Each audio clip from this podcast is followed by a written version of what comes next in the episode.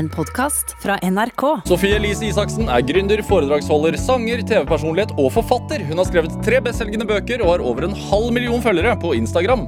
Allerede som 20-åring ble hun utropt til Norges mektigste medieperson, og siden den gang har hun vært en omdiskutert kvinne i norsk offentlighet.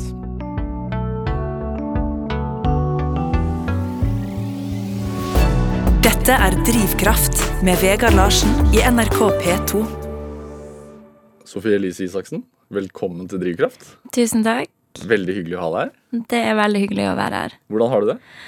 Jeg har det bra. Jeg bare, når du sa den introen av meg i stad, så var det litt sånn gøy, for det er sånn alt man noensinne har vært, blir man liksom omtalt som. Ja. Jeg er jo ikke sanger, men siden man en gang har gjort det, så Men det er gøy. Da kan jeg bare fylle på Så ting jeg er. Så den karrieren er lagt død? Det blir ikke noe mer musikk? Nei, eller jeg elsker å lage musikk og gjøre det noen gang for gøy, drar i studio osv., men jeg er ingen artist, nei. Hva er du, da? Em, hva jeg faktisk er nå. Jeg ville sagt at mye av det var riktig. Jeg er gründer, foredragsholder, uh, influencer, TV-personlighet blir vel riktig. Og Forfatter. Og forfatter, herregud, den glemte jeg. Ja, forfatter også. Hva, hvilke liker du best å smykke deg med? Eh, Det er forfatter jeg sier. Om jeg møter noen i utlandet, eksempel, og de spør hva jeg gjør, så sier jeg forfatter alltid. Hvorfor det? Mm, det er vel med mest kredibilitet der. Jeg føler at det er veldig mange som smykker seg med entreprenør, og så har man kanskje egentlig ikke gjort noen ting. Bare du har starta et enkeltmannsforetak, føler jeg du kan si entreprenør. Mens forfatter, det kan du ikke si med mindre du faktisk har gitt ut en bok. Og jeg ser kanskje ikke ut som en typisk kall det da forfatter, så jeg syns at det er gøyest å si. Ja, Fordi reaksjonene blir Ja, eller da blir det litt mer sånn Det, det blir mer interessante oppfølgingsspørsmål da, føler jeg. Var det, var det det du drømte mest om også? Å bli forfatter? Ja. Nei, da jeg var liten, så ville jeg egentlig bare bli kjendis. ja. Det ble du, da. Ja. Ja, det, men det, det sier du ikke når du møter folk i utlandet, f.eks. At jeg er kjendis? Ja. Nei. Men um, sommeren er akkurat over. Yes. Har det vært en god sommer? Den har vært veldig fin, egentlig. Jeg starta den med å være på Farmen, og når jeg kom ut derfra, så har jeg bare vært litt i Nord-Norge og på Mykonos og ja. Når, når man er på Farmen kjendis, og sånn innspillingen sånn som du har vært, det kommer neste år på TV. ja. Er det ferie, eller er det jobb? Jeg trodde før jeg dro inn på Farmen at det her blir ferie fordi jeg har vært vant til å være så på på telefon, og jeg tenkte at det å ikke føle seg så påkobla hele tiden ville være en ferie uansett om det var hardt arbeid. Men når jeg var der, så innså jeg jo at man var påkobla på en annen måte der inne ved at du alltid har en arbeidsoppgave du må gjøre. Du er stressa for du er redd for å ryke ut.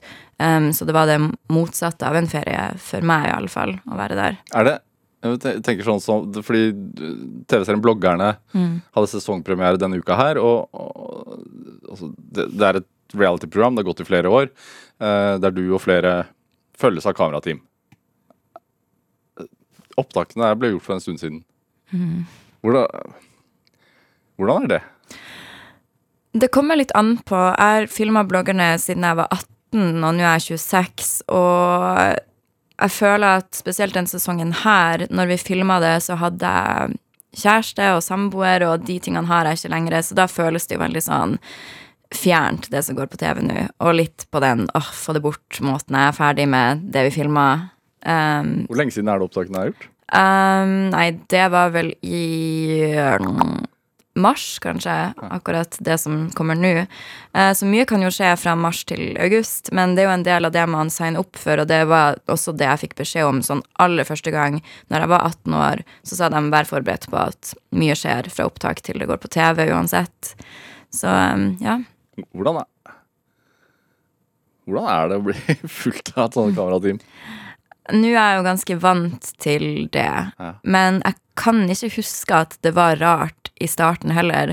For meg, jeg tror når du har tenkt fra du var veldig liten på at du har hatt lyst til å bli sett på en eller annen måte, og når den fantasien har spilt seg ut så mye, og det faktisk skjer, så føles det veldig normalt. Mm, ja. Hvorfor tror du du hadde behovet for å bli sett? Um, Er det, er det en generasjonsting, eller er det noe menneskelig, tenker du? menneskelig. Jeg vet ikke om det var en generasjonsting akkurat når jeg var ung, for det, her var jo før sosiale medier og Jeg kan ikke huske at noen av mine barndomsvenner delte min fantasi. Um, men uh, jeg har alltid vært interessert i, veldig interessert i popkultur og media. Egentlig, jeg veksla mellom at jeg hadde lyst til å være kjendis eller typ jobbe i Topp, det bladet. Jeg syns eh, Celine Aagaard var veldig kul som var redaktør der.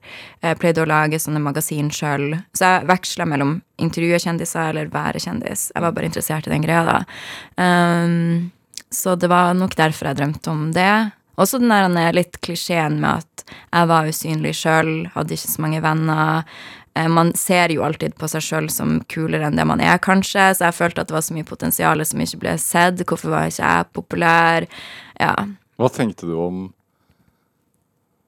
hvordan Altså, hvordan tro, trodde du at kjendisene hadde det, siden du mm. tenkte på det som, som en utopi eller som en drøm, liksom?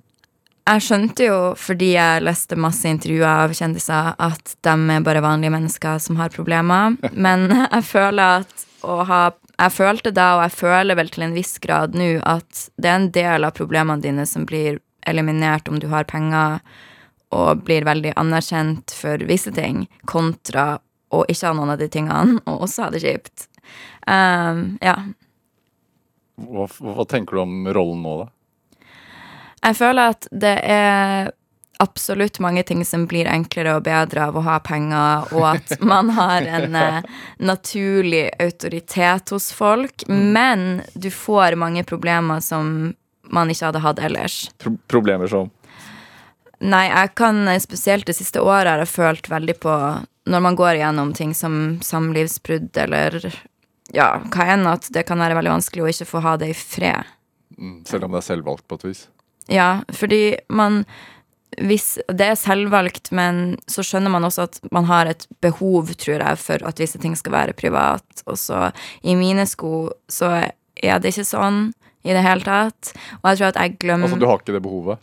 Jo, jeg har det behovet som ja. faen. Jeg hadde kanskje ikke det når jeg var yngre. Uh, og jeg tror at siden jeg har delt så mye fra jeg var 16 år, og da var det helt ok for meg, det var også ok når jeg var 18 eller 20, men nå er jeg 26, litt mer voksen, har ikke lyst til å dele alt, men fordi at folk er så vant til at jeg gjør det, så blir de sur om jeg ikke deler. Det er ingen som forventer at La oss si Morten Ramm skal fortelle alle detaljene fra privatlivet sitt, men det er på en måte forventa fra meg. Så ja. Er du blitt mer sky? Jeg har reflektert rundt det her, og jeg føler at nei, men hver gang jeg blir Jeg er en kjærestejente, da. Så jeg er i forhold i noen år, og så er jeg singel. Og jeg har reflektert tilbake og skjønner at i mitt mønster er at hver gang jeg blir singel, så får jeg et intenst behov for å være mer privat. For da skal man på en måte lande i en ny virkelighet, en ny personlighet litt. Og det er alltid viktig for meg å gjøre det for min egen del, og ikke for sosiale medier sin del. Hvorfor tror du man er så Hvilke kjendiser var det du så opp til da du var ung? Um, da jeg begynte å bry meg om kjendiser, så var det veldig den der uh, poprock, uh, punk-jente-opplegget som var hot. Ja. Så jeg elska sånn Avril Lavigne, og så elska jeg Lincy Lohan, som jeg fortsatt gjør. Pappa er veldig opptatt av musikk, så jeg hørte mye på Nirvana og Queens of the Stone Age og sånne type ting via han. Hvorfor tror du man blir så fascinert av andres liv? Det vet jeg ikke, men det, jeg vet at man alltid har blitt det. Før det fantes kjendiser, så har man jo brydd seg om naboene og mm. gossip. Det sier jo bestemor, og alle sier at det er sånn. Eh, jeg tror nok også at det kan være litt en sånn forsvarsmekanisme, litt, for det er enklere å snakke om andre enn det å snakke om seg sjøl. Eh, ja, det er absolutt. Så det er speiling, på et vis? Ja, eller jeg tenker at hvis man sitter på en middag, da, så det er mye enklere å dele 'oi, hørte du at han og hun', istedenfor å si 'jeg har gjort denne sjuke tingen', liksom. Ja. Hvordan er det å være en del av samtalen rundt folks middagsselskap, da? Det er ganske rart. Jeg pleier noen ganger å tenke på Oi, jeg lurer på om det er noen som snakker om meg akkurat nå. Ja. Eller nå. Eller nå. Altså, er det jo mest sannsynlig det. Um, men det er noen ganger jeg snakker med vennene mine om det, og de er sånn Hadde folk visst hva som faktisk var sant, så hadde de ikke trodd på det, for virkeligheten er alltid mye sykere enn ryktene, faktisk, har jeg lært. hva, vil det, hva betyr det?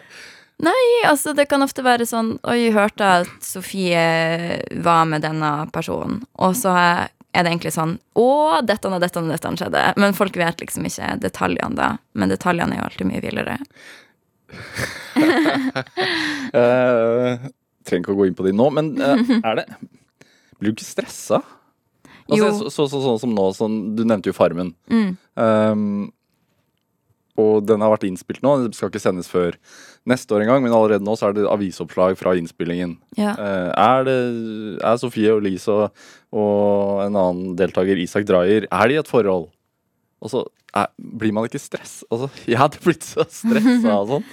um, nei, fordi at når det kommer til akkurat Farmen, da, Ja. så er jeg jo heldig fordi at jeg har blitt filma før, så jeg står veldig inne for den jeg var der. Og heller glede meg litt til å se det. For det som er unikt med Farmen, det er at jeg hadde jo min opplevelse der, men alle de andre hadde jo sin, så jeg gleder meg veldig til å se deres opplevelse av det jeg opplevde. Så det tror jeg bare blir fint. Men, men tenker du Altså, har du flere sider av deg selv? ja, altså, det har jo alle. Ja, jo, men det er ikke alle som er så offentlige. Nei. Uh, um, jeg var med noen folk i går, og da, var det, da sa den ene personen at de, det hadde vært så kult om den jeg faktisk er, er den som hadde vært i media også. Men det er vanskelig å forholde seg til, fordi at jeg møter jo alltid opp som meg sjøl på enhver innspilling og dette.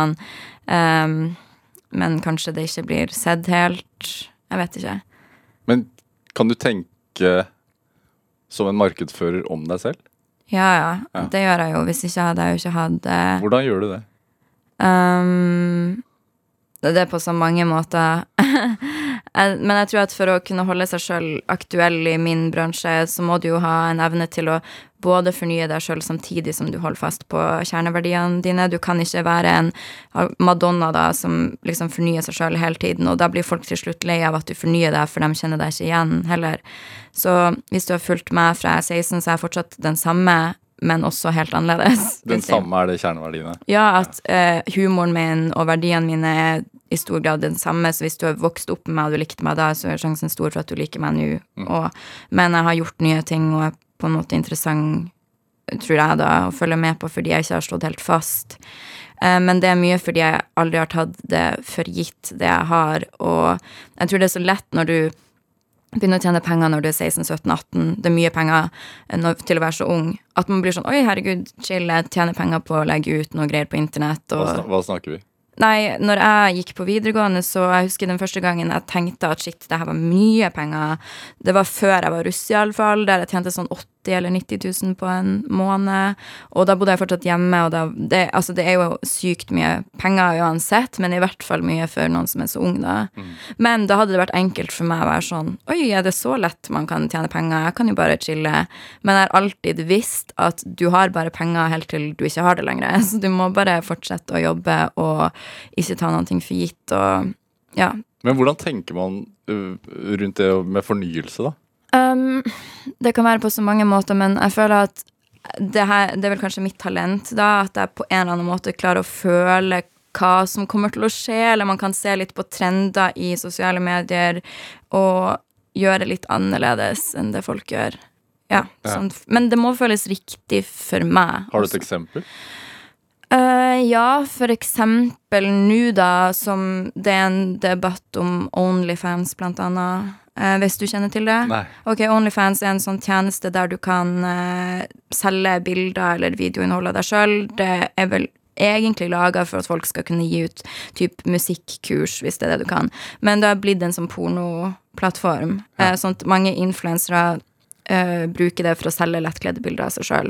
Og så er det noen ting som får kritikk, og så får det samtidig ikke kritikk, fordi at det er bra at man tar eierskap over seksualiteten sin, samtidig som det er problematisk.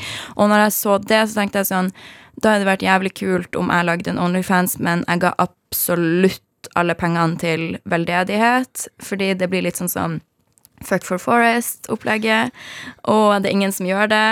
Og det, da kan jeg leke med det at folk sier at Og hvorfor snakker du ikke om viktige ting? Du legger bare ut lettkledde bilder. Så da gjorde jeg en sånn undersøkelse der jeg snakka undersøkelse, veldig low-key undersøkelse, der jeg snakka om det var miljøgreier. Og så satt jeg i klær eh, med mye klær, og så venta jeg en uke, så snakka jeg om akkurat det samme, men med bitte litt mindre klær, og begge greiene hadde sånn swipe up. Og den med lite klær, selv om jeg snakka om det samme, fikk mer swipe-ups enn den med mye klær. Swipe-ups, hva er det? for Det at du sveiper opp når du ser på Story. Swipe opp her, og så, Så kommer man til Altså det er en link, rett og Det er slett. en link, ja, videre. Så flere trykka på linken, bare hadde litt mindre klær på.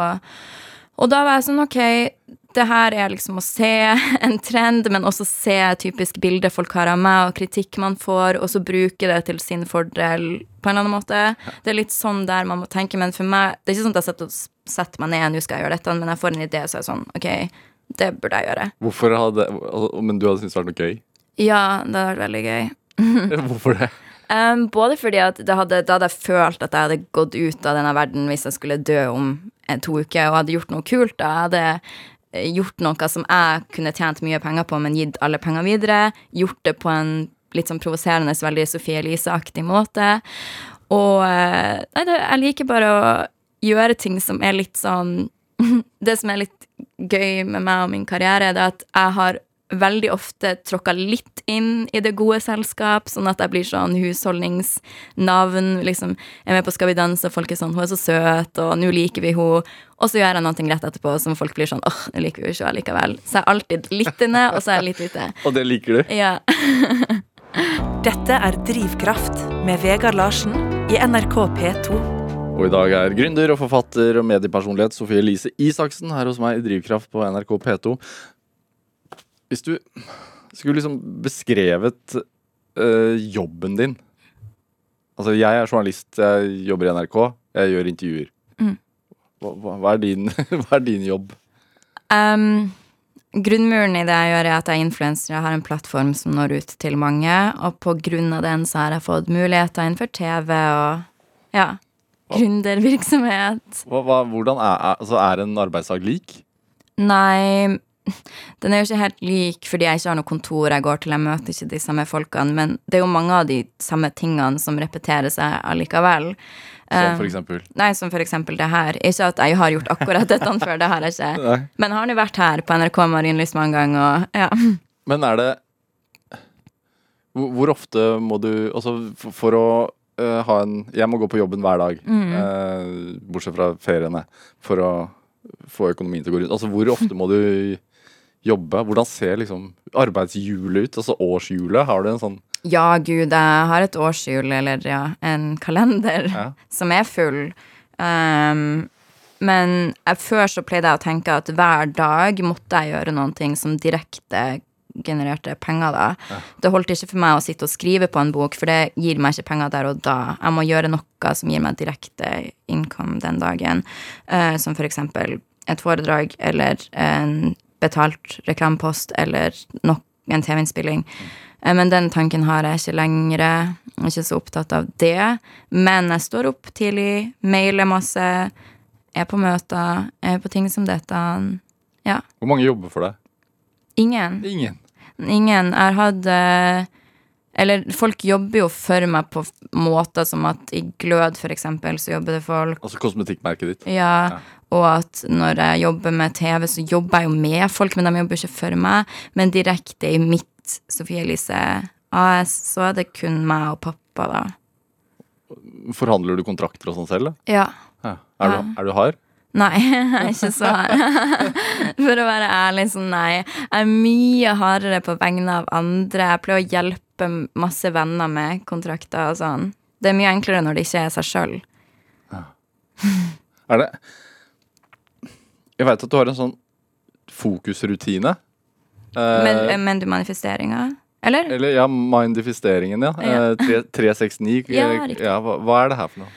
Så 369-metoden er at man skal eh, hver morgen, hver midt på dagen og hver kveld skrive ned en setning som du vil skal skje. Tre ganger, og så seks ganger, og så ni. Ehm, ja.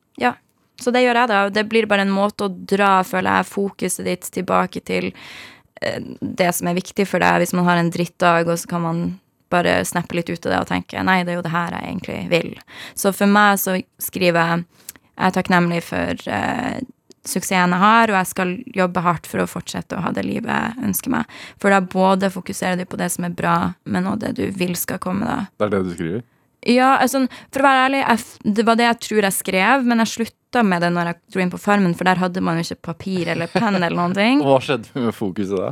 Uh, nei, det skifta jo. Jeg kunne jo ikke gå rundt og tenke på liksom utenfor når jeg Og det ble liksom teit å manifestere ting som skjedde der inne også, for det var Ja. Nei. Men etter det så har det vært litt sånn at jeg har ikke kommet inn i det igjen, for jeg vet ikke helt hva det er jeg ønsker å manifestere nå. Så du er i en slags limbo-tilværelse? Ja, men jeg føler at alle er i en sånn limbotilværelse når man jeg skal flytte nå, og da er det akkurat som alt bare flyter litt ut. Jeg vet ikke med deg, men når jeg står mellom to bosteder, så er det veldig vanskelig å ha system på noen ting som helst, så all ære til de som klarer det. Men har du det også sånn, eller jeg føler det er bare sånn evig sånn Flytting er jo noe av det mest opprivende man gjør. Ja. Ja.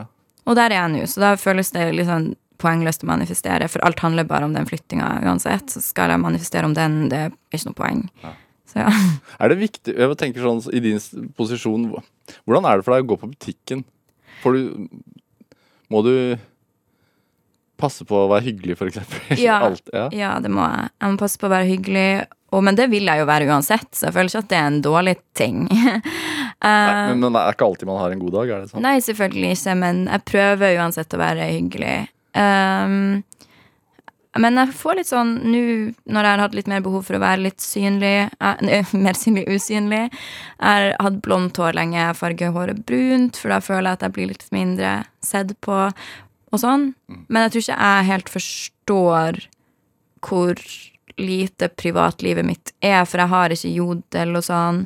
Men så kan jeg ha vært på butikken. Altså internett, altså en, Ja, en app som ja, en anonym app der man kan skrive hva man vil. Jeg har ikke den appen, for jeg tror ikke det hadde vært bra for psyken min. Men det kan være at jeg står på butikken, snakker i telefonen, og så får jeg melding fra noen venner som sier sånn Hei, leste på Jodel at du var på butikken og snakka i telefonen og sa dette. Så ja. Dette 369-tingene, er det, er det bare for å holde fokus, eller er det sånn at du tenker at hvis man tenker på det og repeterer det nok, så skjer det? Sånn som Eh. det, altså det kom en bok for noen år siden som heter Secret, som handlet om det der. Altså hvis man bare fokuserer nok og ser det nok for seg, så, så blir det virkelighet. Ja, jeg tror ikke det er helt sånn. Jeg tror nok at det ikke hjelper å bare sitte inne i senga si og tenke nå skal livet mitt, jeg skal bli rik. Men Er en- det det som er målet? Nei, ikke for meg. Men for mange er det jo det. At man sitter og tenker på penger. Um, eller hva enn. Jeg skal bli forfremma, og så bare sitte og skrive det. Men det med å skrive det ned er jo en måte på å minne deg sjøl på at du må jobbe for det. da At du får fokus, og da er det jo større sjanse for at det skjer. Eller hvis du skriver ned hver dag Jeg skal vise folk at jeg er glad i dem, og hvis du da skriver det til sammen 30 ganger per dag, så blir det jo enklere å huske på å vise det.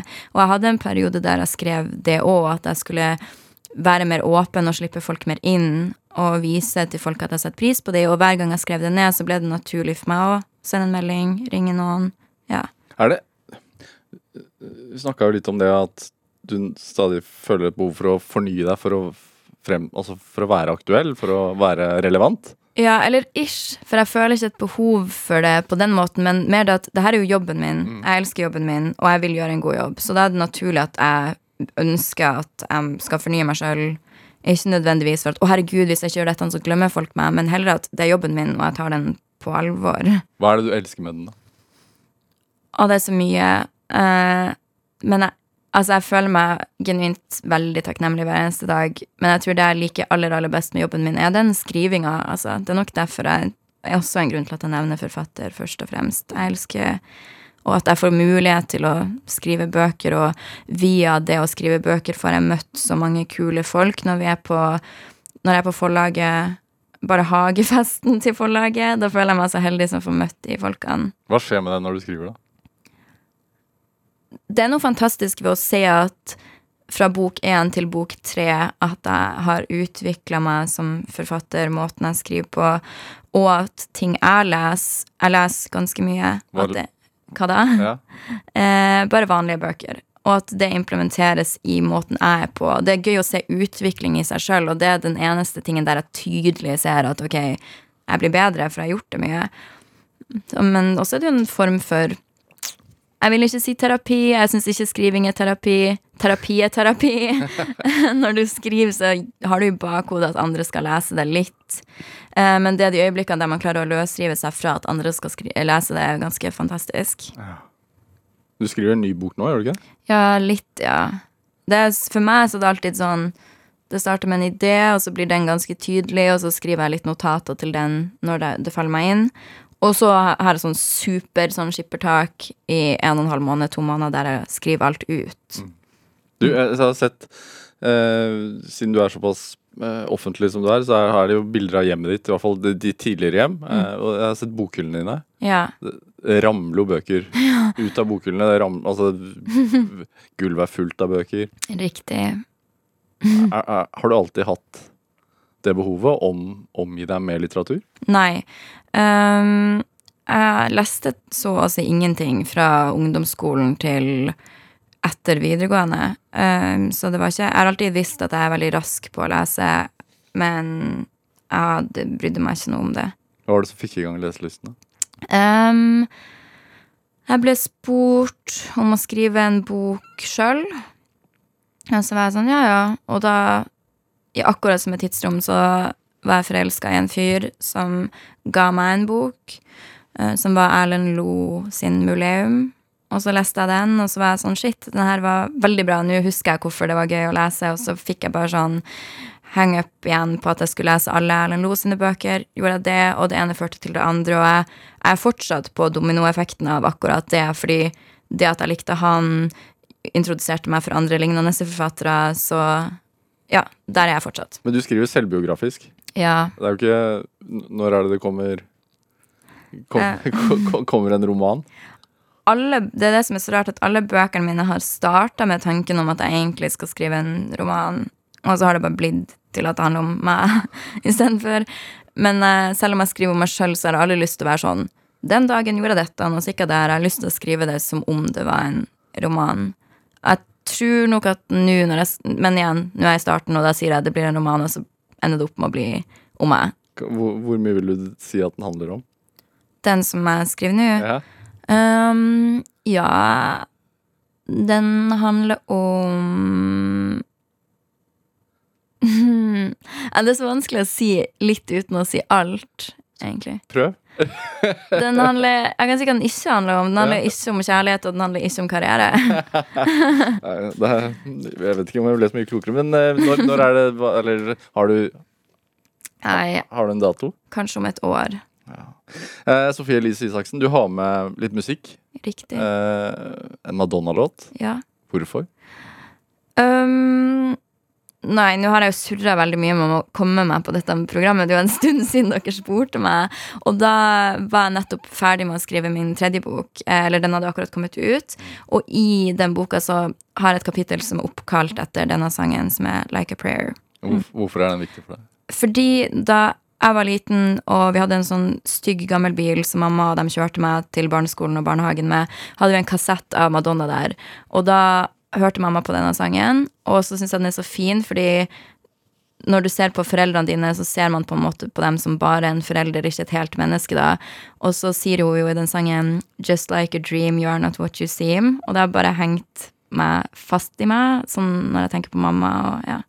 La oss høre det. Yes.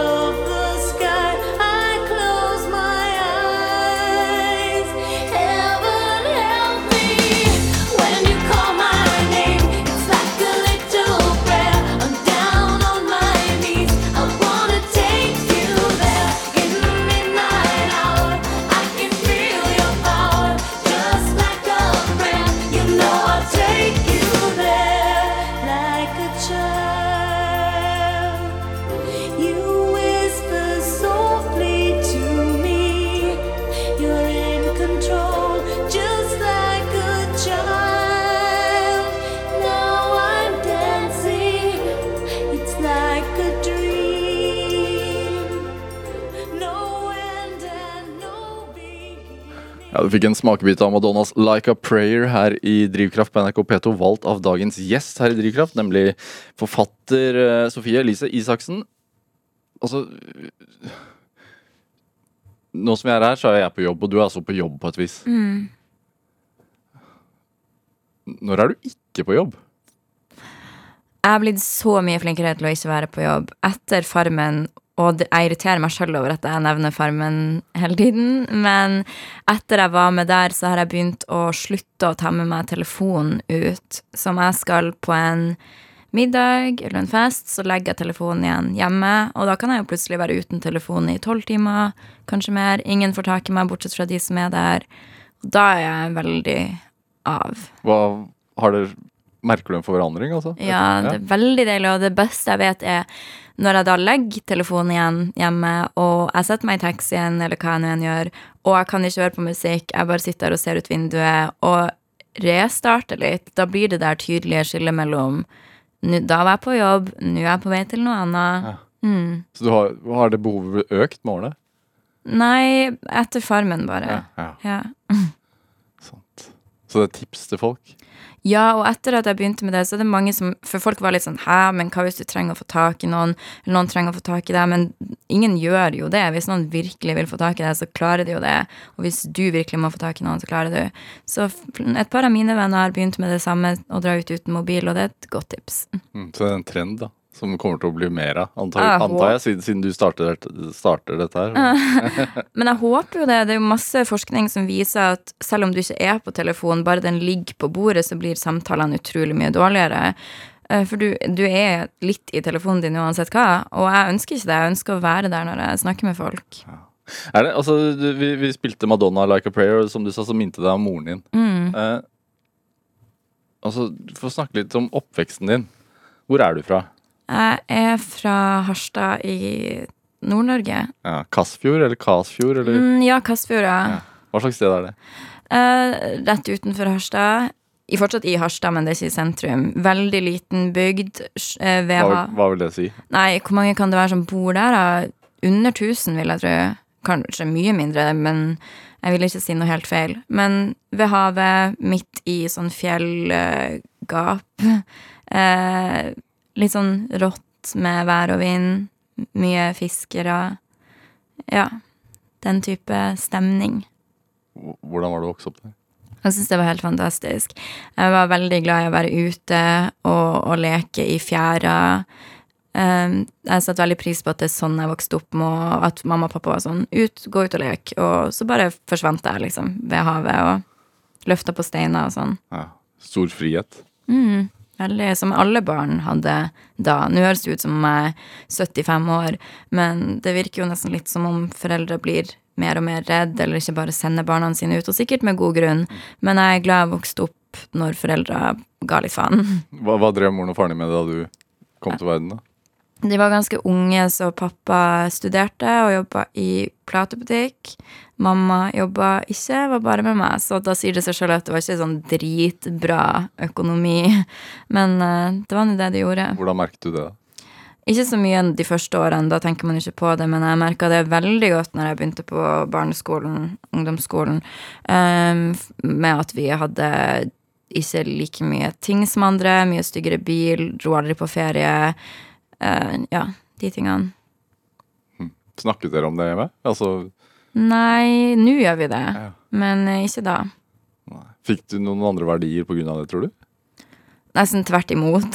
Mer viktig for meg det med å Du merker jo godt når du har ting som andre ikke har. Så jeg fikk jo et sånn lite hig, eller kall det da drivkraft, etter å ville ha økonomisk trygghet. Men ja Du merker jo når du ikke har like mye som de andre rundt deg, og man er på en måte litt bekymra over ting man kanskje ikke skal være bekymra over når man er veldig ung, da. Som for eksempel?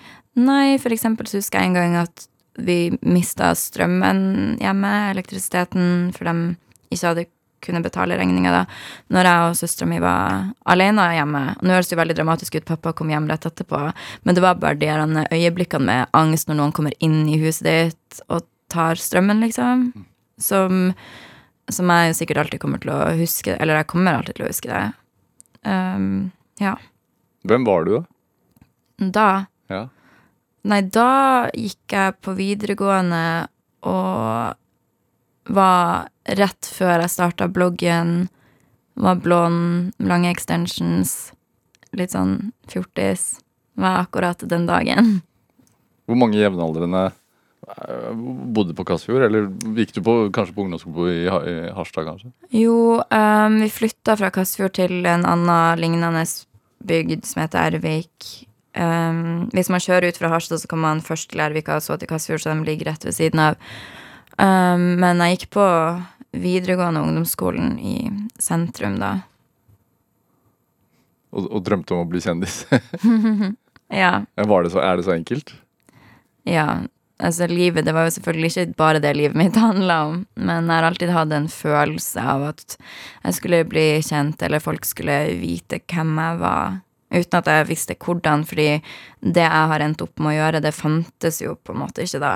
Sosiale medier og influenser og sånn. Men var du ekstrovert allerede som Altså, er du Mm. introvert eller ekstrovert? Hva tenker du? Som de fleste så tror jeg begge. Blanding, ja. Ja. Men hvordan var du som? Nei, en blanding da, og har alltid hatt mye behov for å være alene. Elsker å være alene, og har alltid gjort. Tror du det har noe med oppvekst, altså der du vokste opp å gjøre? Ja, sikkert fordi jeg har lekt mye alene og bare funnet mye underholdning i meg sjøl. Ja. Jeg kjeder meg aldri. Jeg syns at det er gøy å gjøre ingenting. Og bare stå ute, liksom. Men eh, Hva gjør du da? da? Jeg bare står der. um, men ja, jeg, jeg har alltid vært sånn Jeg har ikke vært redd for å si det jeg mener. Jeg har alltid Jeg tror nok den sterkeste delen av min personlighet da og nå er den at jeg kan akseptere de aller fleste så lenge man ikke later som om man er noe man ikke er. Så jeg har alltid vært veldig tydelig i det jeg mener. Ja. Også da. Hva tenker du at du har den holdningen, og så er det så mange som mener noe om deg? Mm, de mener vel mye om meg fordi at jeg er veldig tydelig den jeg er. Og det går nå fint. Ja. Er det Er det provoserende for deg? Nei. Nei. Det hadde vært så rart om jeg ønska å ha denne jobben og mene mye ting og ble provosert hvis folk mente noe om at jeg mener ting. Det jo, hadde vært litt bortskjemt av meg å føle. Ja. Hvordan har det vært Altså, du er jo deg og bestemmer over ditt liv, men det at du har blitt en offentlig person, har jo påvirket familien din kanskje også? Mm. Hvordan har det vært? Det har nok vært vanskeligst fordi når de eksempel sitter på Facebook, og noen har noen de kjenner godt, kanskje har kommentert en sak som handler om meg, og skriver stygge ting, da er det kanskje ikke så enkelt for de å være foreldre, da. Fordi at man kan jo tenke seg sjøl, men når noen skriver stygge ting om barnet ditt, offentlig person eller ei, vil jo mamma, gjerne, mamma og pappa gjerne ta meg i forsvar. Ja, For du var jo veldig ung i, i starten. Ja, men også nå. Også nå. Og da, hvis folk responderer med 'jo, jo, men det er jo bare min mening', men så er det 'nei, det er din mening om dattera mi', du er vår venn Altså, jeg tror sånne situasjoner kan være vanskelig for de da. Og at de noen gang leser ting om meg i avisen som jeg ikke har rukket å sagt sjøl. Den type ting. Hva tenker du om det å stifte familie som offentlig person? Nei, men jeg kommer aldri Det, det er jeg så utrolig klar på, at, og det her har jeg følt i mange år, jeg kommer aldri til å dele noe bilder av barnet mitt. Jeg kommer aldri til å ha noe sånn gender reveal-opplegg. Hvorfor ikke? Jeg, jeg bare, jeg tror nok når jeg har opplevd hvordan det kan være at folk mener så mye, er det så viktig at det skal være noe mitt fremtidige barn får velge sjøl. Og jeg har faktisk skifta litt i tankegang det siste året òg. Jeg har alltid tenkt sånn Barnet mitt skal bo i Oslo. Men nå er jeg mer sånn Kanskje jeg vil at barnet mitt skal bare bo i Nord-Norge og få det samme som jeg fikk. Litt bort fra det offentlige opplegget. Tror du, tror du på det? da? At, at, man kan, altså at du kan trekke deg tilbake fra, fra, fra den jobben du har? Nei, det kan man ikke, fordi de siste månedene når jeg har prøvd å ha privatlivet mitt litt privat, så har det blitt enda mer press på privatlivet mitt, sikkert fordi folk ikke får det helt. Um, så jeg er forberedt på at det kan bli vanskelig, men altså, hvis man tar det med barn, da Hvis jeg en dag blir gravid Jeg tror ikke jeg kommer til å si det, jeg tror jeg bare blir å skjule det så godt jeg kan, og så bare plutselig få et barn. Men da blir det kanskje mer spennende for folk. Jeg vet da faen. Men er det sånn altså sånn, Du har lansert kosmetikkmerket. Ja. Er det en del av en langtidsstrategi, hvor man kan bli mer bakperson etter hvert? Eh, altså Motivasjonen ved det har jo ikke vært å trekke meg unna. Jeg gjør det jo fordi jeg har tro på det, og jeg liker å holde på med det. Um, men det som er så fint med det, er jo at det ruller og går, og jeg kan gjøre det fra litt hvor som helst. Jeg trenger ikke med sånn som TV, så må jeg jo være her. Um, ja, så jeg håper jo at det er ting jeg kan holde på med i mange år. Hvilke verdier tror du du har tatt med deg hjemmefra? Eh, fra mamma og pappa, spesielt kanskje pappa, for han er lik meg. Eh, pappa har langt hår, og han har alltid fått spørsmål som Går det egentlig bra med deg? For folk har trodd at han er på kjøret, bare fordi at han er 45, og, eller når han var 45 og brukte litt sånn band-T-skjorte og hadde langt hår. Men da har han bare vært sånn Fuck dere, det er sånn her jeg har lyst til å se ut. Jeg gjør min ting. Og den har jeg jo fortsatt veldig med meg. At jeg driter litt i folk. Så du var trygg i deg selv ganske ung? Ja, eller jeg prøvde nå i hvert fall, men nå er jeg det sånn oppriktig. Ja. For det er, det- er jo omdiskutert at du har tatt eh, Altså gjort ting med din egen kropp. Mm. Og da vil man jo tenke at det, det er det motsatte av å være trygg på seg selv. Både og. Jeg tror at man kan gjøre de tingene fordi at man forventer at Og det har jo jeg også gjort. Tenker at hvis jeg gjør dette, blir jeg mer likt. Eller blir det å like meg sjøl. Men så kan det jo også være sånn som der jeg er nå, at det, man har en estetikk, en ting man liker, og så vet man jo at man får mye kritikk av å gjøre de tingene, så litt det å gjøre det og stå i det er jo også en form for å være trygg i den man føler at man er. Eh, Men det er jo ikke sånn at jeg kontinuerlig driver og opererer. Jeg har gjort mine ting som jeg står fint i at jeg har gjort. Når føler du på usikkerhet, da? Jeg føler på usikkerhet. Jeg har en sånn ganske høy mur oppe. Å være sårbar rundt folk som faktisk kjenner meg, eller folk som er i min nærhet, det syns jeg kan være veldig vanskelig. Hva gjør du da? Altså, jeg skyver folk lenger unna. Jeg har ingen bra måte å takle det på. Det er vanskelig for meg å si til folk at jeg liker de, eller har følelser for de, eller sårbarhet på den måten, og det har jeg ingen god måte å takle på. Jeg bare får opp en mur og slutter å snakke til folk. Må du, være, må du være skeptisk til nye vennskap også? Ja, det tror jeg nok. Men jeg er ikke det. Jeg stoler veldig I vennskap så stoler jeg veldig på folk fort. Um, fordi jeg tror det beste om folk. Men i kjærlighet så er det mye, mye vanskeligere. Hvorfor det? Vet ikke. Um, jeg er veldig redd for å bli utnytta. Um, veldig ofte hvis jeg møter en fyr i samme posisjon Nei, samme posisjon. En fyr på samme alder som meg, så er det ganske rart om han har eh, midler på den måten jeg har, eller en karriere, fordi at man er veldig ofte student i den fasen av livet.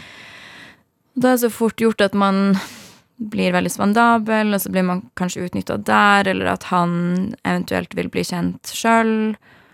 At jeg blir et sånn springbrett, fordi de fleste jeg har hatt nært i livet mitt, har fått en karriere videre i sosiale medier på grunn av meg. Mye. Så det er sånne ting man blir redd for. Så jeg vet ikke helt hvordan jeg skal unngå det. Nei, ikke vet jeg. Eh, du snakket litt om romanen din, eller boka di, eh, 'Ting jeg har lært'. Den kom i fjor. Eh, og, og der skriver du blant annet at eh, den dag i dag baserer jeg fortsatt de fleste av valgene mine på at 80 år gamle meg skal sitte på gamlehjem og se tilbake på alt jeg har sagt og gjort. Ja, riktig. Fortsatt. Det er riktig. Ja. Hva, hva, hva betyr det?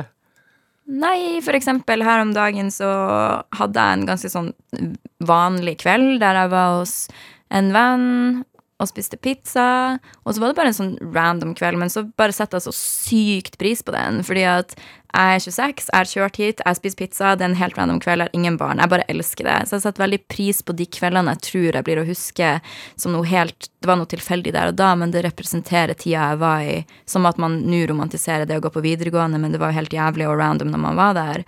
Jeg anerkjenner at det her skal være fortid en gang, og da blir det rått. Men også det at Sånn som det jeg snakka om den Onlyfansen da for veldedighet, at det kan jo virke litt sånn drøyt å være lettkledd, og folk blir å mene ting om det, men når jeg er 80 år, så kommer jeg til å være sånn ha-ha, når jeg gjorde det, det var, jeg var drøy, jeg var gøy, liksom. Det er litt sånn jeg baserer valgene mine. At det kommer ikke til å være så farlig om en stund. Nei. Er det Sånn som den åndelige siden Er det Er det en Hva skal man si? Liker du å provosere? Nei, jeg liker ikke at folk blir sur. Jeg liker ikke å provosere på den måten, men jeg liker jo å pushe grenser, så hvis man kaller det provosere eh, Men jeg tror at det folk blir provosert av i dag, er noen ting som man blir å se på som bare en selvfølge om noen år fordi det pusha en grense, da. Hvis man ser på for eksempel Nirvana, da, eller Beatles eller Elvis, alle syns jo at det var drøyt og provoserende, og så går det noen år, så er det sånn, men selvfølgelig måtte det skje. Så jeg liker litt å være en del av det der det måtte skje-opplegget. Jeg ser du har sånn kunst av um, Bjarne Melgaard og sånn på veggen hjemme. Ja. Uh, norsk samtidskunstner, også anerkjent for å pushe grenser. Mm. Er det liksom viktig for deg å omgi deg med andre mennesker som, som du kan identifisere deg med på et vis? Ja, ikke nødvendigvis identifisere meg med, men en fellesnevner i de som jeg har nært i livet mitt, er jo at de er veldig uredd, føler jeg. At de er seg sjøl hva enn det innebærer. Og det syns jeg er veldig fint, da. Er det nøkkelen også til din suksess, tror du? Ja, absolutt. Ureddhet? Ja, ja, ja, ja. Det er kun det, tror jeg. Faktisk. Det og at jeg er kjapp, da. Jeg går ikke og grubler Ja, men det går vel hånd i hånd med å være uredd, da. Grubler ikke så mye, jeg bare gjør. Hvor langt Altså Det har vært snakk om mye sånn forbildeprat og sånne ting. Hva, hva tenker du om det? Du, jeg vet du har tatovert forbildet på hånda, f.eks. Ja, det har jeg. Um, jeg tenker ikke så mye på det. Jeg føler at ofte så ser du opp til en tenkt versjon av noen uansett. Og det jeg får Jeg merker hvor fort det kan skifte, da. Så hvis folk jeg ikke reagerer sånn som folk nesten forventer at jeg skal, så kan jeg bli veldig skuffa over meg hvis de har meg som forbilde. Og da kan jeg være sånn Jeg kan ikke leve etter din tenkte tanke om hvordan jeg skal reagere på ting. Så jeg, jeg er jo bare den jeg er, og hvis folk liker det, er fint. Hvis de ikke gjør det, er fint. Altså, ja. Men hva, hva tenker du er din drivkraft da? I hverdagen og i livet? Den uh, 80 år Det er det, det, er det som er drivkraften. At 80 år gamle Sofie Elise Isaksen skal tenke tilbake at livet var bra. Ja, det er det. og at når jeg får barn en dag, hvis, så kan jeg jo for, Jeg tror at jo mer du opplever, jo mer ikke-dømmende blir du. Jeg ser frem til å være en voksen person med masse erfaring og bagasje og opp- og nedturer som kan møte mine framtidige yngre generasjoner med forståelse av tingene jeg har opplevd. Hva? Har du forbilder, da? Eh, Ja, litt, men ikke sånn slavisk. Men jeg har jo folk jeg ser opp til av forskjellige grunner. Som for eksempel Nei, jeg elsker Miley Cyrus. Har alltid gjort. artisten. Yes, riktig. Hvorfor det? Vi er jo nesten like gamle, hun er to år eldre enn meg. Og så har vi gått gjennom, som jeg har sett det, da, de samme fasene av livet samtidig. Hun var tidlig sånn Disney-stjerne. Mm, og da var jeg ung. Og det handla jo om det der med å ville være kjendis og litt sånn rockejente og sånn. Og så hadde hun en sånn crazy periode, sånn festperiode, samtidig som meg. Og så ble hun forlova og rolig samtidig som meg. Og nå er hun liksom singel og litt sånn vill igjen samtidig som meg. Så vi har gått gjennom de samme, og musikken hennes har reflektert det, da. Så hun har alltid passa veldig inn i soundtracket til mitt liv. Er det Har du en sånn langtidsstrategi? Nei, og det har jeg faktisk heller aldri hatt. Eh, men jeg tror nok at den viktigste langt, eh, langtidsstrategien jeg kan ha, er at jeg er hyggelig med folk jeg møter, og at jeg får flere muligheter å jobbe av det. Jeg har jo superangst, for eksempel, fordi at eh, dere var usikre på om jeg kom i dag, siden jeg har avlyst denne greia. Det er, det er en beskjed jeg aldri har fått før, at jeg var usikker på om du kom. Og den bare blir å sende meg i sånn dyp sånn alvorsprat med meg sjøl. Hvorfor det? Nei, for sånn kan man jo ikke holde på. Det går jo ikke an. Herregud. Hvor kommer den eh, moralen fra? Nei, men hva faen, man vil jo ikke være en person som folk er usikre på om skal komme. Spesielt når jeg aldri har hørt det før. Så det, det kommer Nei, det er ikke bra. Men jeg har jo ingen jeg jobber med, så jeg må ta meg sjøl i det. Um, nei, det er uaktuelt. Har du noen uh, kolleger eller, som er i samme posisjon som du kan Ja, litt. diskutere ting med og, og, og drodle ideer med og snakke om liksom, din hverdag med, som vil forstå det? Litt. Ingen som er i helt samme posisjon, men jeg er heldig. Jeg har folk jeg ringer og snakker med, og ja. Hvem da? Det kommer an på eh, situasjonen, men eh, for eksempel Erling Kagge kjenner jeg godt. Han er en type person jeg kan Forleggeren. Ja. Ja. Uh, ikke i mitt forlag engang, men han er bare en fin person. Han kan jeg spørre om ting. Som en slags mentor, liksom. Litt. Men han forstår livet bra. Hva spør du om da? Altså alt. Det kan være Der er det jo litt mer sånn hvordan retning skal jeg ta i karrieren min, og hva syns du om dette forslaget? For eksempel den der Onlyfans-greia. Hva sa han da? Han syns det er kult. Ja. Han er kunstelsker, da, så det, man kan nesten se på det som et slags kunstprosjekt. Ja. Og så har jeg ehm, Nå etter at man var på Farmen, naturlig graviterer man jo litt mot de. Uh, ja. Det er liksom forskjellig litt ut av situasjonen. Ja. Er det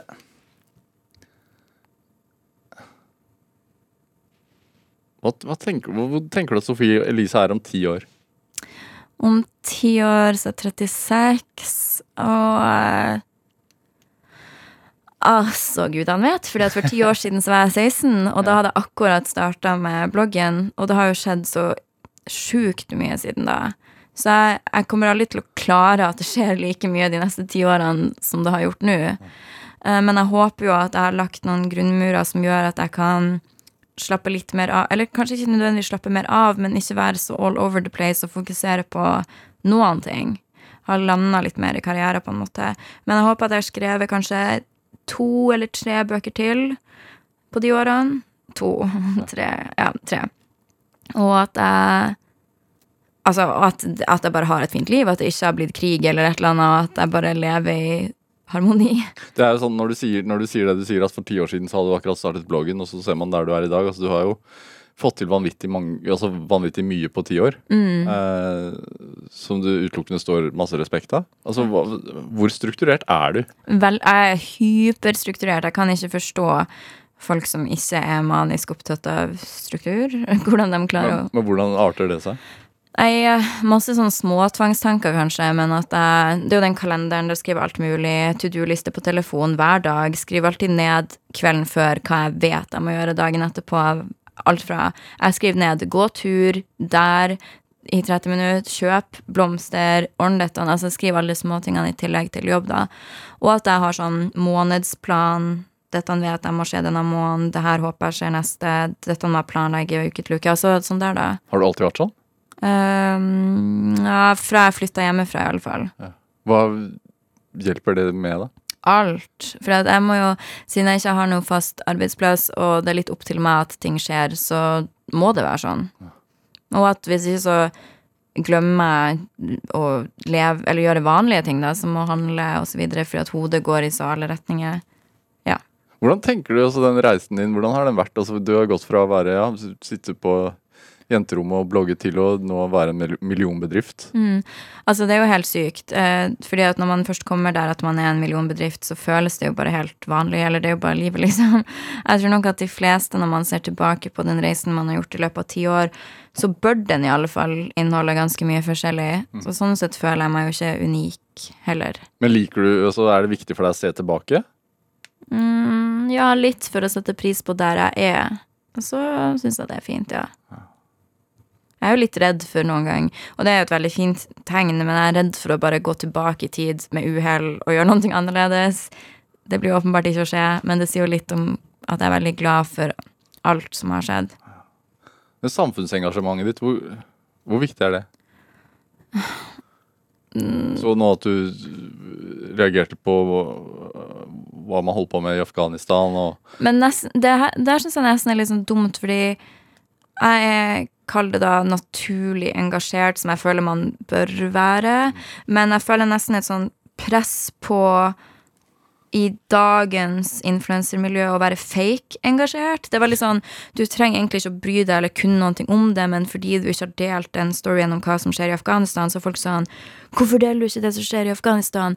'Jeg hadde mer respekt for deg enn som så.' Og så er det sånn, ok, så nå skal jeg være et godt menneske fordi at jeg reposter et bilde av hva som skjer i Afghanistan. Jeg skjønner at det på en måte er viktig, men for meg, når jeg ser på verden, så er det Det er så akkurat nå og sikkert alltid har vært så massivt mange problemer, men fordi du ikke engasjerer deg i det som jeg kaller det da mest inn å engasjere seg i da, så er du dårlig person. Uh, så jeg, jeg liker ikke helt den trenden der. Sofie Elise, eh, tusen takk for at du kom. Var det det jeg skal avslutte med? At Ja, jeg, liker, jeg liker ikke at man skal engasjere seg. Hva vil du avslutte med? Nei, altså, det funker greit, altså. uh, du, tusen takk for at du kom hit til Drivkraft. Ja, tusen takk for at jeg fikk komme. Hør eh, flere samtaler i Drivkraft eh, i NRK-appen, eh, eller på NRK på nett, eller du kan også laste oss ned som podkast. Eh, du finner oss også på Instagram, på NRK Drivkraft heter den kontoen. Send oss også gjerne ris og ros, og tips til mennesker som du mener har drivkraft. Send den e-posten til drivkraft, krøllalfa, nrk.no. Vi hører veldig gjerne fra deg. Produsent og researcher i dag var Julia Martin Cic. Ruben Gran bidro også til denne sendingen. Nå så får du straks siste nytt fra NRK Nyheter her i P2. Jeg heter Vegard Larsen. Vi høres. Du har hørt en podkast fra NRK. Hør flere podkaster og din NRK-kanal i appen NRK Radio.